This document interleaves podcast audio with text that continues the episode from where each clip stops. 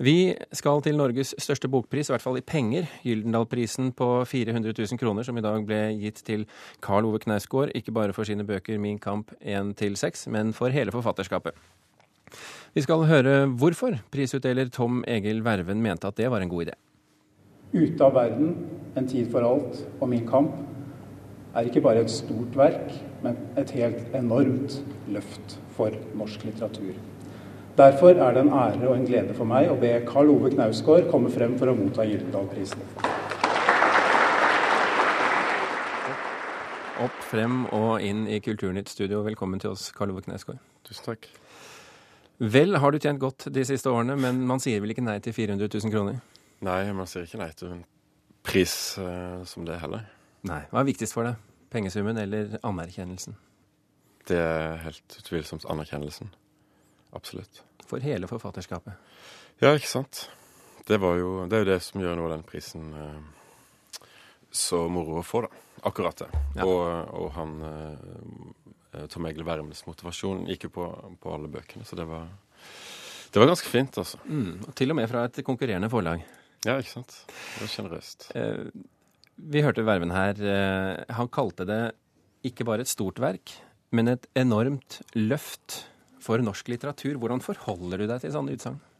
Når jeg hørte det nå, så var det litt sånn klang blant publikum, og da forventa jeg meg at noen skulle begynne å le. da, ikke sant?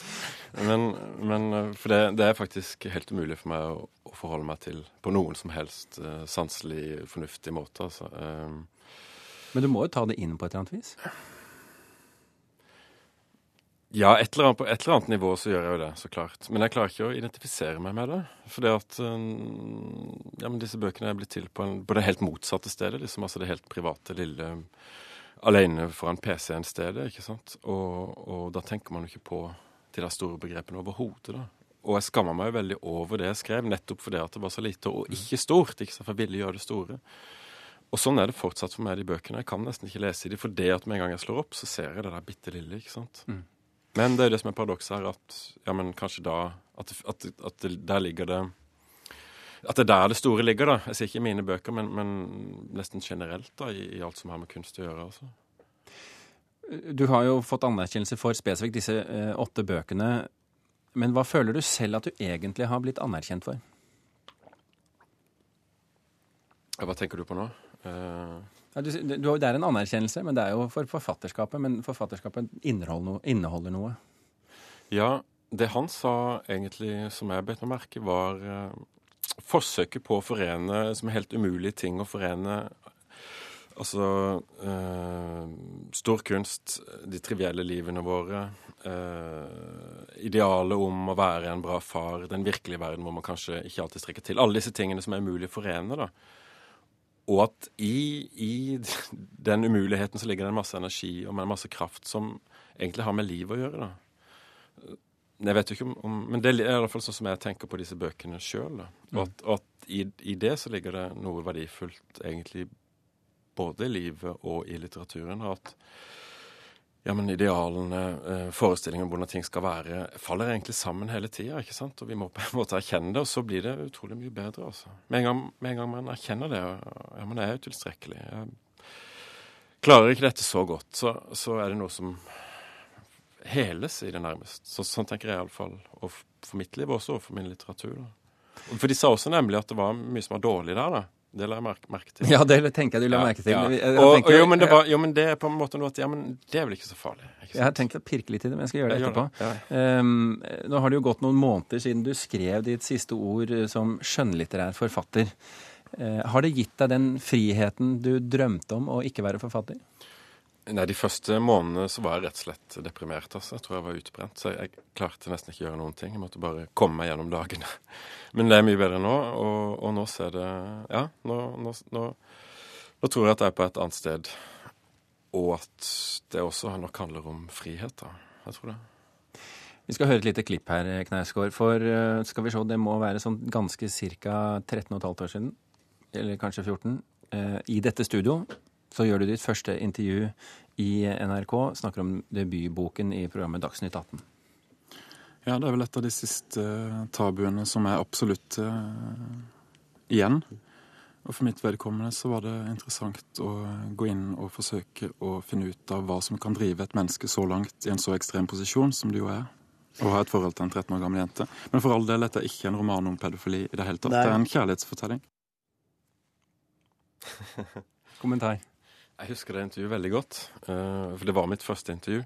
Og det var en nyhetsjournalist som gjorde det. Og, og det var veldig vinkla på, på nei, alt, nærmest alt jeg hadde gjort galt. da. Og jeg kom jo dit og tenkte å, jeg har klart å skrive en roman, og, og nå kommer den ut, og vi har hatt pressekonferanse og sånn. Og så var vinklinga nesten som om eh, ja, men Ikke som jeg skulle være en kriminell, men, men at jeg hadde gjort noe galt. da.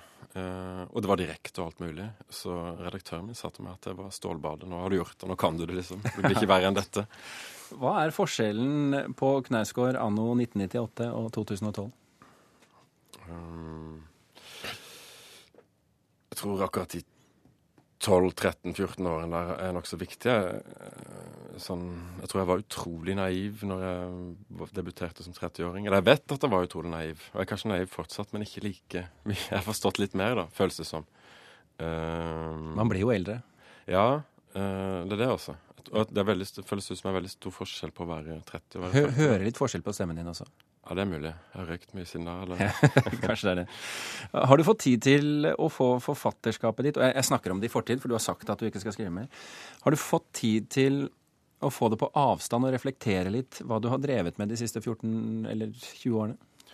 Normalt sett så tenker jeg ikke på det i det hele tatt. Jeg prøver bare å fortrenge det. Men nå har jeg reist mye rundt og prata om boka når den har blitt lansert i forskjellige land. Og da blir jeg tvunget til å reflektere over det. Så, så det, har jeg, det har jeg gjort en del, ja. La oss pirke litt i det som ikke er så bra. Legatstyret Tom Egil Vervin han sier det at eh, etter, og jeg siterer her, etter hvert fester det seg et inntrykk av at bind 1, 2 og 6, som blander fortelling og essays i ulike tidsplan, er mer vellykkede enn den nokså kronologisk gjengitte beretningen i bind 3, 4 og 5. Tiden vil vise om slike vurderinger blir stående. Hva tror du selv? Jeg tror at på en måte er det rette der. Eh, De er klart bedre. Men jeg tror at hadde det bare vært de, hvis man tenker seg, tenker seg det, så hadde det hadde veldig mye mangler. Så de er veldig viktige, de delene der, som kanskje ikke er som veldig av samme kvalitet eller like eksperimentelle, men de trengs der, for de lager et rom. Eh, og ja, det er egentlig helt nødvendig for at de andre bøkene skal virke, rett og slett. Det er som i en film. altså Du trenger transportstrekninger før noe skal skje. ikke sant? Og jeg syns ikke det er så veldig farlig, men jo, men det er rett. Det er rett. De er ikke så gode eller interessante eller, men Nei, men det, De hører med. 400 000 kroner, Knausgård. Jeg hører du skal kjøpe deg gressklipper. Ja. Som du sitter på. Jeg ble spurt av en kollega. Er Ja, det sånn du sitter på, eller er det som sånn du skyver? Jeg tenker, jeg tenker det skal være en Den gikk i stykker i fjor høst, den vi hadde som vi skyver på. da. Den koster jo ikke 400 000. da. Men eh, Nei, du kan jo farfe opp litt. ja. Pimp meg gressklipper. Karl Ove Knausgård, tusen hjertelig takk for at du kom til eh, Kulturnytt. Takk for at vi kom.